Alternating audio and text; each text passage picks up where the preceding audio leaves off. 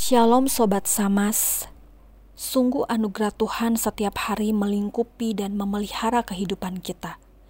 Biarlah respon kita terhadap anugerah itu adalah dengan selalu rindu untuk hidup baginya, seturut dengan yang ia kehendaki melalui firman-Nya.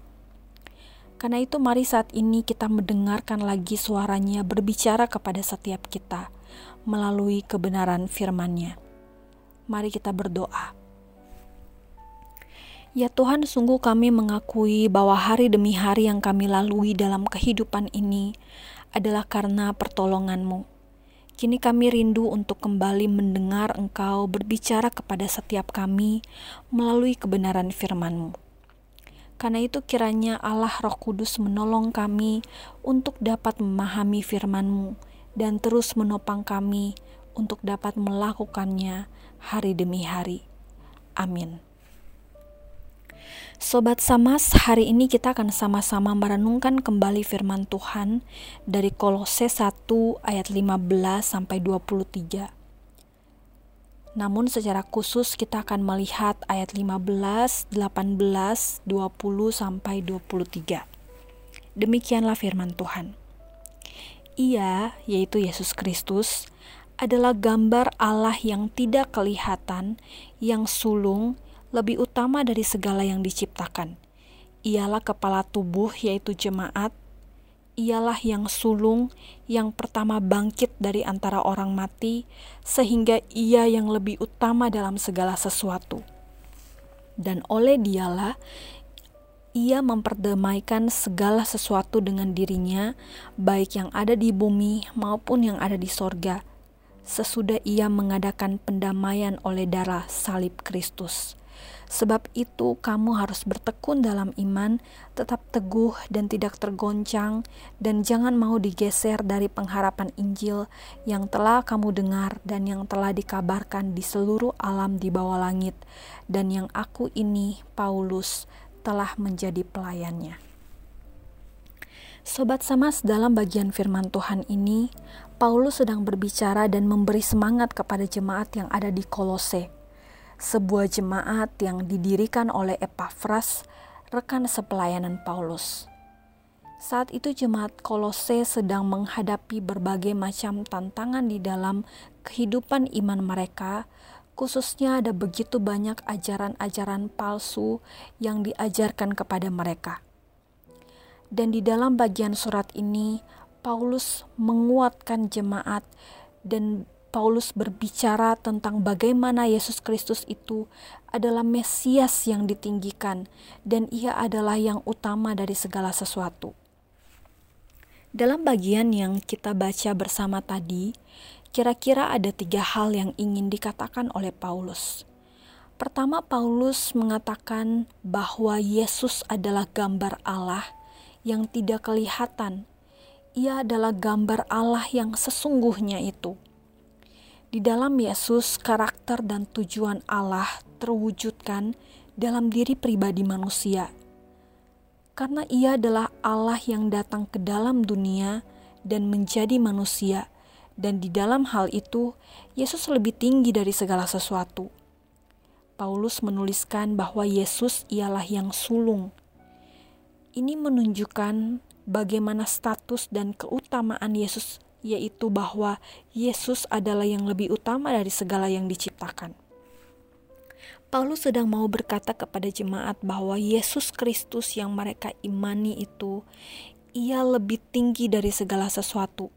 Ia menyatu dengan identitas Allah, dan karena itu ia melebihi segala ciptaan ia bukan diciptakan, melainkan justru di dalam dialah telah diciptakan segala sesuatu, dan segala sesuatu itu ada di dalam dia. Sobat Samas, dalam bagian ini Paulus sedang menunjukkan kepada jemaat yang ada di Kolose, juga mengingatkan mereka kembali tentang betapa agungnya Allah yang mereka sembah di dalam Yesus Kristus itu. Hal kedua yang ingin dikatakan oleh Paulus adalah bahwa Yesus bukan hanya yang paling sulung, yang di dalam Dia segala sesuatu telah diciptakan, melainkan Yesus juga adalah kepala dari tubuh, yaitu jemaat. Jemaat atau gereja adalah orang-orang yang telah diperdamaikan dengan Kristus. Sehingga mereka yang tadinya bukan umat Allah kini menjadi umat Allah.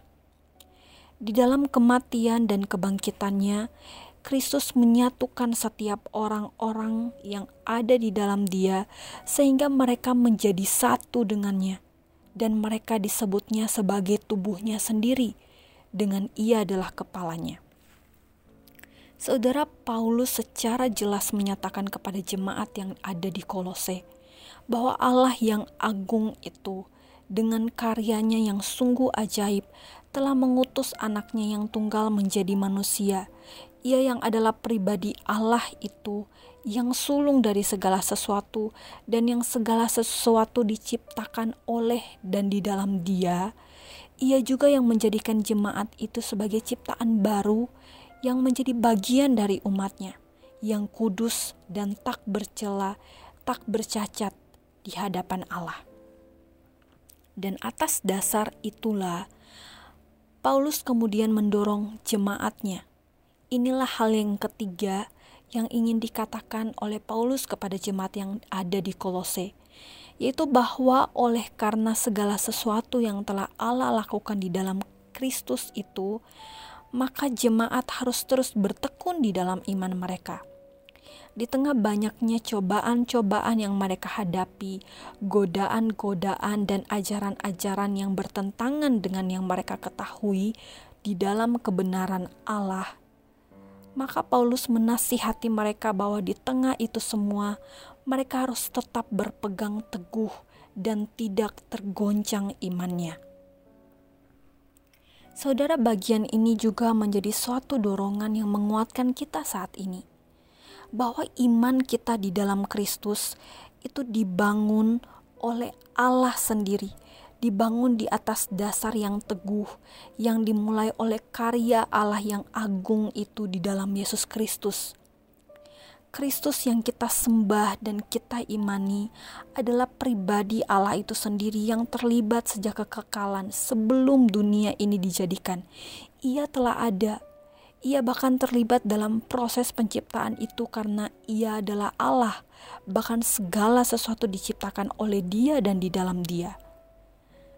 Namun Allah mengutus Yesus Kristus dan ia pun sendiri rela datang ke dunia menjadi jalan pendamaian bagi setiap kita.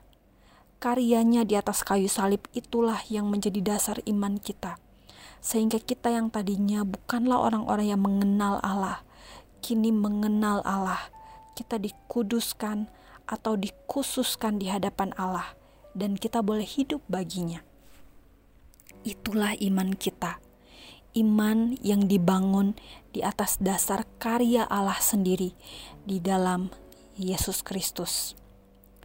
Saudara, di tengah-tengah dunia yang makin hancur oleh dosa, di tengah-tengah dunia yang terus menolak keberadaan Allah, di tengah-tengah banyaknya tantangan terhadap iman kita, mari kita terus melihat bahwa iman kita dibangun di atas dasar yang teguh. Dan mari hidup berpadanan dengan iman itu, hidup berpadanan dengan panggilan kita sebagai umat Allah. Mari hidup terus bertekun dalam iman kita, tetap teguh dan tak tergoncangkan akan apa pun dalam kehidupan kita setiap hari, di tengah-tengah lingkungan pekerjaan kita, dalam kehidupan pelayanan kita. Mari sungguh-sungguh hidup berpadanan dengan Injil Yesus Kristus yang telah kita ketahui dan kita percaya dan juga kita imani. Mari sungguh-sungguh hidup berpadanan dengan iman kita, iman yang dibangun di atas dasar yang teguh, yaitu di dalam Kristus. Demikian firman Tuhan. Mari kita berdoa. Tuhan kami sungguh kagum akan karyamu yang mungkin melampaui akal kami, melampaui apa yang kami mengerti. Tapi kami bersyukur karena Engkau Allah yang mau memilih kami untuk menjadi bagian dari Yesus Kristus mengambil bagian untuk menjadi umatmu. Kami bersyukur Tuhan, kami memiliki Allah yang seperti Engkau. Kami bersyukur kami mengetahui segala karyamu dan Engkau menyatakannya kepada kami. Dan itu menjadi satu dasar yang teguh bagi iman kami. Karena itu biarlah Engkau menolong kami untuk setiap kami dapat hidup berpadanan dengan iman kami sesuai dengan apa yang Engkau kehendaki ya Tuhan. Dalam nama Tuhan Yesus kami berdoa.